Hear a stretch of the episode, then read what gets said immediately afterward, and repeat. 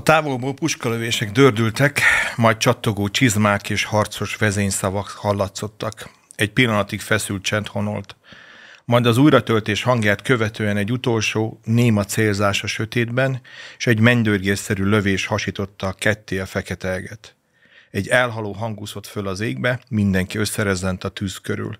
Nem tudták megszokni ezt a hangot, sem a halál közeli jelenlétét, mint ahogy az őröket sem. A drótkerítés sem. A tűzfirmai egyre sárgultak, a csillagok már inkább vészlósóan ragyogtak az ég fekete mezein. A szemben ülők beesett arca koponya soványá soványodott. A szemük kétségbe esetten villódzott az éjszakában. Néhányan előkelő ranggal és megbecsült társadalmi pozícióval érkeztek a birodalom fővárosából, hála a felmenőik aranyüzletének, az egyikük egy idősebb ember, közelebb a tűzhöz, tizenéves forma fiúnak magyarázta zsebórájának működését. A tábortűz fénye, mint pislákoló remény, meg-megcsillant az óra számlapján. Mostan azonban, mint csak arctalan rabok a közelben morajló tenger nyúlvánainál. Üdvözlőjük a Hitrádió hallgatóit, ez itt a Tört Percek sorozat, mondhatjuk első adása de talán nem is akarjuk ezt feltétlen mindig meg-megszámozni, de azt elárulhatom, hogy egy könyvnek a Lángoló Szirmok 33 epizódjának egy sorozata kezdődik ezzel a felolvasással, és talán mindegyik alkalmat majd egy, egy, egy fejezetnek a felolvasásával fogjuk kezdeni, egy részletnek a felolvasásával, és itt ül velem a stúdióban Lovászli László, emberjogi szakértő, aki a könyv szerzője. Szerbusz László, üdvözöllek. Köszönöm szépen, szervusz, üdvözlöm a hallgatókat. És a sorozat beszélgetései során, ha megengedik a rádióhallgatók, akkor tegezni fogjuk egymást, és itt ülünk a stúdióban dr. Máté Áron történész is. Szerbusz Áron, üdvözöllek. Üdvözlök, köszöntöm a hallgatókat. És a beszélgetésünk gyakorlatilag a könyv adja az apropóját, a könyv adja gyakorlatilag egy kicsit a téma gerincét, és leszünk olyan bátrak, hogy azért ezt a száz éves időszakot, ezt a száz éves periódust, amit gyakorlatilag 10-10 éves blokkokban, három-három fejezetben így jön ki a 33, megpróbáljuk megfejteni, Egyrészt egy-egy konkrét sztorin keresztül, másrészt pedig azt a történelmi kontextust, amit itt érdemes a mai szemmel, a 21. Száma, század szemével értelmeznünk, azt idehozni a stúdióba és a rádióhallgatóknak átadni. Úgyhogy én el is kezdeném azzal a kérdéseimnek a sorozatát, hogy hogy megy be a világtörténelem a 20. századba, hogy zárul a 19. század, és esetlegesen, hogyha már koncentrálunk nagyobb világrészekre, földrészekre, ugye itt most Dél-Afrika lesz majd a mai beszélgetésünknek az egyik nagy apropója, akkor hogy tudunk oda kanyarodni, mit érdemes erről tudni, és Áron, akkor téged kérdezlek erről a kontextusról. A történészek között divat úgy nevezni ezt az időszakot, hogy a hosszú 19. századnak a vége. Elvileg, persze ez, hogy hosszú, ez is vitatható, hiszen mondjuk a Bécsi kongresszustól számítjuk az első világháborúig, ez majdnem pontosan száz év. Tehát azért annyira nem hosszú, csak az, hogy túlnyúlik ugye a saját időbeli korlátain. Valójában, és ez szörnyű egybeesés, valami megváltozik. Most csak néhány dolgot mondok. 1898 amerikai-spanyol háború. Hm. Ugyanekkor tájt szintén a századfordulónál a kínai boxerlázadás. Közös európai és amerikai intervenciós erők avatkoznak közbe, de japánokkal együtt, kérem szépen. Akkor még egy epizódot villancsunk föl, egy, hogyha már Afrika felé közeledünk, Uganda. Ugandában a franciák és a britek is missziókat hoznak létre, csak hát ugye az is kérdés, hogy ki kitől veszi a legújabb, illetve nem feltétlenül legújabb, de a hatékony hőfegyvereket. És kérem szépen, az egyik fél által felfegyverzett, ezek a britek, törzsek lerohanják a francia misszió területét. Furcsa módon ott egyébként német fegyverekkel házaltak. De most nem ez a lényeg, hanem az, hogy hogy addig volt valami, ami összekötötte Európát. Volt egy közös európai tudat, amit mind közönségesen úgy neveztek, hogy a keresztény világ. Uh-huh. És, és úgy tűnik, hogy ez mostantól kezdve nem számít. Most ugye sokan mondják a kínai boxer vázadás leverésére, hogy hát ugye ilyen óriási felhajtás, és akkor hogy a sárga veszedelem ellen, meg Vilmos császár miket mondott a katonáinak, ez mindig az, de akkor mit keresnek ott a japánok? Tehát az a helyzet, hogy a 19. század végére az európai klub gyakorlatilag megszűnik európai venni. Mm. Becsatlakozik Japán akkor kiderül, hogy valaki, aki nem európai, tehát történelmileg se, hát történelmileg az lehet tag. Egy, kvázi egyenrangú, ebből aztán majd még lesznek félreértések, hogy tényleg egyenrangú, nem? De, de, de akkor, akkor, akkor mi az, ami összeköt, ugye? Az ugandai példát azért hoztam föl, hogy, hogy itt akkor elkezdődik az, hogy már a kereszténység sem, mert föl lehet dúlni egymást, egy teljesen most egy, egy, egy, egy vad civilizáción, akkori civilizáción kívüli területen. És akkor elérkezünk Dél-Afrikába, ahol kiderül, hogy ugye előtte volt ez a bőrszínre való hivatkozás, és ez még sokáig is lesz, de már ez se számít. Igen. De már ez se számít.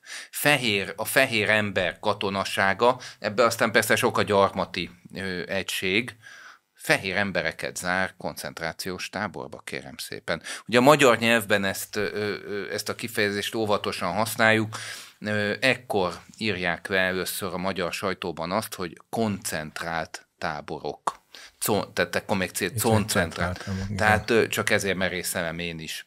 Úgyhogy nagyjából így néz ki a világ, a technikába, a haladásba vetett hit, és mellette pedig egy borzasztó unalom, tehát unatkoznak az emberek, a polgári réteg unatkozik, valami nagy megtisztító viharra vár. És ez sajnos, sajnos az ilyen, tehát ez olyan, hogy, hogy az ilyeneket nem kell kívánni, mert tehát a bajt nem kell keresni, mert az úgyis ott van. De hát jött is. Igen, és ahogy említetted, azért egyrészt a briteket említetted, másrészt ugye a német fegyvereket említetted, és aztán gyakorlatilag utaltál is már erre a dél-afrikai fehér és fehér elleni küzdelemre. Ez ugye a, a búr környezetben van az első olyan fejezet, amit feldolgozol a könyvedben.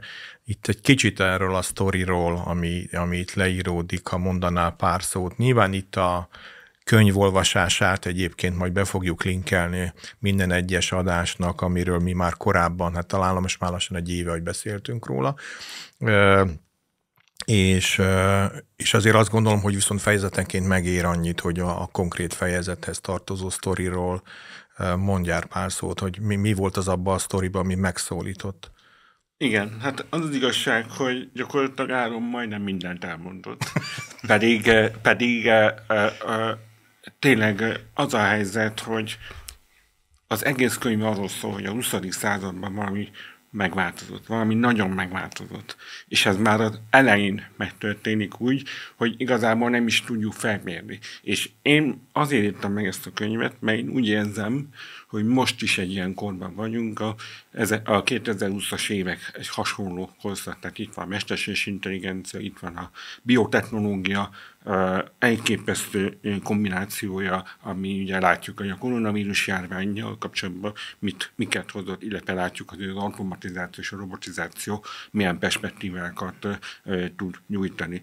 De ezek ugyanúgy nem látszanak ma, mint ahogy akkor sem látszottak azok a tudományos eredmények, akár a kémia, akár a csillagászat, akár a fizika, akár a matematika területén kibontakoztak, akár a, a nukleáris technológia, ugye a, a, a, a anyag tudománynak a fejlődése, és ez magával hozta azt a paradigmaváltást is, hogy ugye a korábbi, amit Áron is említett, hogy ez a keresztény világkép és a tudománynak a felsőbbrendűsége, úgymond minden hatósága is egy, egy olyan um, bizonytalanságot eredményezett, és egy olyan, olyan társadalmi, politikai, gazdasági átalakulást is hozott, amire egyébként majd a következő fejezetemben többet fogunk tudni beszélni, de ami engem igazán megfogott a, a, a, a 20. század elejé ben az,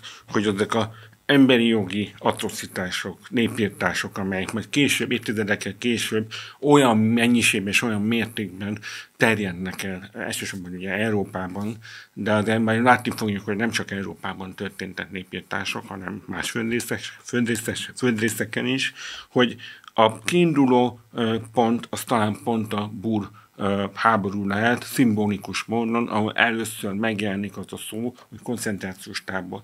És már Áronnak is igaza van abban, hogy nagyon kell vigyázni ezzel a szóval, mert ezt nem szabad összekeverni a haláltábor szóval.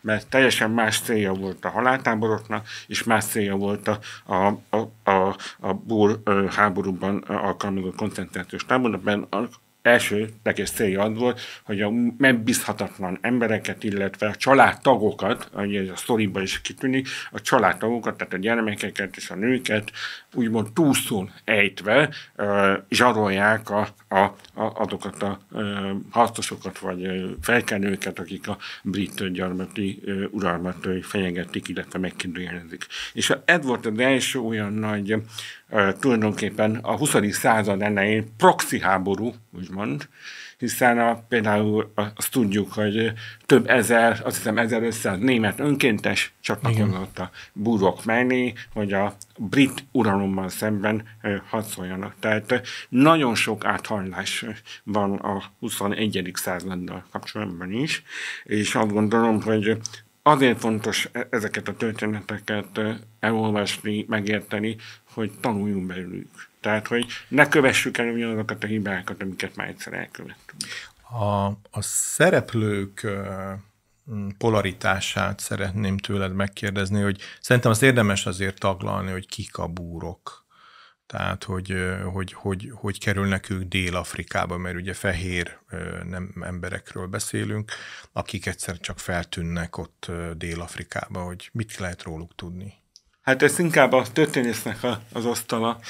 Tőlem majd igazából azt akarom kérdezni, hogy és hogy kerülnek ők majd szembe egy, egy ilyen 20. század elején, talán már azt lehet mondani, hogy nem is gondolnánk, hogy még gyarmatosítási szándékok vannak, hisz azt gondolnánk, hogy az ilyen letisztult állapot már, hogy a hollandok elmentek arra, a spanyolok erre, a britek nem tudom, megint valamerre, és hogy, hogy most itt a britek majd megjelennek, de szerintem érdemes a búrokról beszélni. Egyrészt azért, mert hogy Európán belül is az a fajta összetétel, amiből a búrok állnak, mind náció szemszögéből, mind pedig vallási meggyőződés szempontjából, azt szerintem önmagában egy izgalmas, izgalmas kép ad majd, hogy ők aztán hogy kerülnek Dél-Afrikába. Akkor vállalod, Áron, hogy már... Hát ö, szerintem kezdjük onnan, hogy Dél-Afrika teljesen, hát az európaiak, most bocsánat, 15. század végéig azt se tudták, hogy eszik-e vagy isszák. Igen, igen. Amikor megkerülik a jó reménység,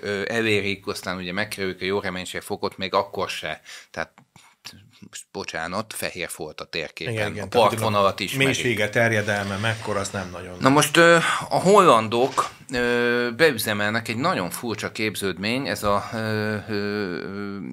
Verenichte Ostindische Company, tehát az egyesített kelet-indiai társaság. Ez a történelem első nagy multia. Persze nem úgy multi, hogy több ország vesz benne részt, hanem több országra terjeszti ki a működését, saját hadsereggel, saját hajóhaddal, elszámolással, tehát egy őrült vállalkozás, és, és egy, egy hatalmas vállalkozás, és hogy elérjék ezeket az úgynevezett kelet-indiai szigeteket, meg, meg egy ideig Ceylont, akkor kell egy verakat útközben, és ez lesz a dél-afrikai térség. Na most egy ideig ott nem is akar senki oda menni, mert, mert tényleg olyan ismeretlen, de aztán rájönnek, hogy kellemes a klíma, elkezdenek telepesek jönni, van szervezet is, szervezetben is, nem csak a német alföldről, tehát a mai hollandok, flamandok, hanem francia hugenották, reformátusok. Uh-huh. Ezt tudni kell, hogy aki oda települ, az szigorúan református, tehát ez a kálvini uh-huh. irányzat a reformációból, a protestantizmusból, és szép lassan gyarapodik a számuk, és a napóleoni háborúk idején Nagy-Britannia, mint aki Indiában már az elsődleges érdekelt fél, azonnal megszállja az egészet, hát az, akkor még nincs Suez, tehát ott mm. lehet eljutni tengeri úton, és innentől kezdve Fokföld, Fokváros környéke brit gyarmat. De a, ezek a búrok nehezen viselik, és elkezdenek ide-oda bejebb vándorolni. Most azt tudni kell, hogy, hogy egy, egy viszonylag gyéren lakott terület, más ö, ö, nép, népek, ugye a fekete bőrű ö, népek közül többen ugye ekkoriban nyomulnak dél felé, érkeznek meg, és ebből aztán fegyveres konfliktusok adódnak, nem csak az újukkal, hanem másokkal is, nyilván az újuk híresültek el, de a búrok mennek egyre beljebb. Na most azt tudni kell, hogy ezek azért rabszolgatartók nem úgy, mint az amerikai délen, tehát nem ez az üzemszerű, hogy akkor megveszem, kiszámítom, hogy mennyit dolgozik, hanem ilyen, ez az ilyen házi rabszolgaság. Tulajdonképpen nagy családok, ilyen klánszerű nagy családok alkotják a búr társadalmat. 19. század végére néhány százezer főről uh-huh. lehet szó. Ugye ma egy olyan 5 millió, 6 millió körül lehet a számuk. Uh-huh. Tehát a, a mai ember számára gyakorlatilag azért ez egy beazonosítható népcsoportként Dél-Afrikában, most is ott. Természetesen az afrikánsz nyelvet beszélik. Ugye a búr az annyit jelent, hogy paraszt, tehát igen, gazda. Igen. Igen. Mert ugye ők, ők a földdel foglalkoznak. Eleinte, amíg vándorolgatnak, addig inkább szarvasmarhával, később aztán, aztán ugye főként földművelés, és, és a britek, tehát a britek ugye mindig brit színekkel akarták festeni a világot, hogyha befestettük A-zónát, akkor jöhet a B-zóna. Mm. Ráadásul a dél-afrikai térségben nagy mennyiségű aranyat és gyémántot találnak, és innentől kezdve ezek a burok ugye ilyen kis köztársaságokat hoznak létre, elindul egy konfliktus. Mm. Miben láttad te a, a, a konfliktusnak az emberjogi kérdést?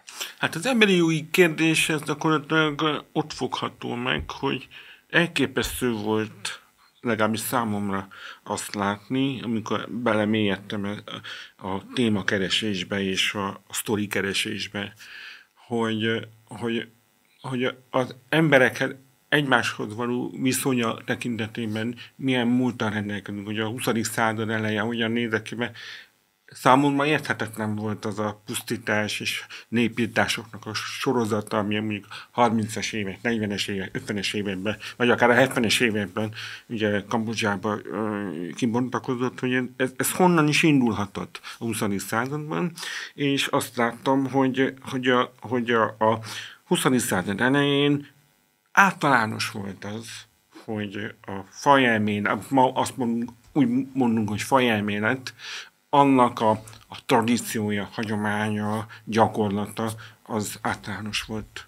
És, és az a burháború is nagyon jól megmutatta, nem csak az, hogy a rabszolgaság formájában jelent meg, hanem az, hogy maguk a britek is így viszonyultak, hiszen amikor a búrokat végül legyűjték a brit katonák és csapatok, akkor maga a brit főparancsnok mondta az, hogy hát ez egy természetes dolog, hogy a fehér ember az a fekete ember fölött van, és hát hogy a fekete ember soha nem lesz képes arra, hogy, hogy ugyanazokat a jogokat, vagy ugyanaz a, ugyanaz a társadalmi szinten vagy státuszra rendelkezzen, mint egy fehér ember. És ez már önmagában is egy olyan kijelentés volt, ami picit predestinálta azokat a, azokat a folyamatokat az én megítélésem szerint, ami végül is a 20-as, 30-as, 40-es években kumulálódott Európa szívében is. Szerintem az azért izgalmas kérdés lehet ebből a szempontból, amit eddig elmondtatok, hogy és ezt talán egy kicsit egy ilyen záró gondolatnak is ez az epizódhoz fogadjátok el, hogy a britek eh, milyen társadalom szerveződési komplexummal találkoznak a búr oldalon. Tehát mit tapasztalnak ők, hogy ez egy jól szervezett kis kolóniák közössége, vagy egy komplett társadalom közigazgatással, stb. stb. Mivel találkoznak ők?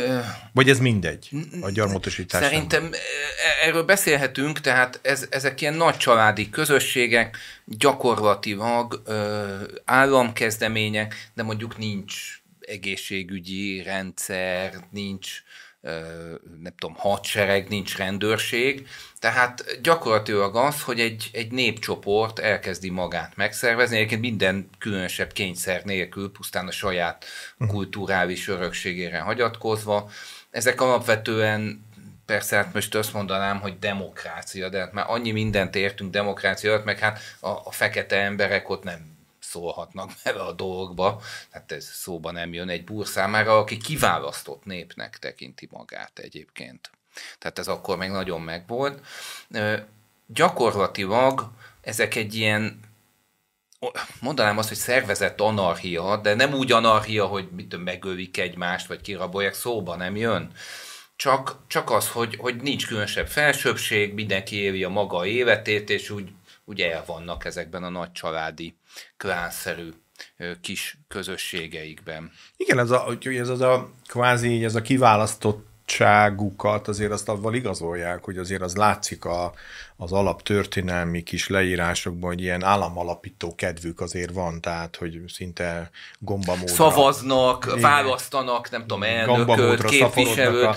Az államok, akkor az egyik beolvad a másikba. De, de én azt gondolom, hogy ez, ez tehát, hogyha körülnézünk a történelemben, azért látunk ilyeneket, elsősorban egyébként Európában, mondjuk most egy nagyon meredek példát mondok, a, a magyar paraszt vármegye is egy kicsit ilyen. Tehát amikor önszerveződő közösség benne van a levegőben, benne van a, a hagyományaikban, és egész egyszerűen az, hogy rend legyen. A többit mindenki elintézi maga. Hm. Jó, hát ez volt a tábortűz fejezet, és akkor innen folytatjuk a következő fejezettel rövidesen.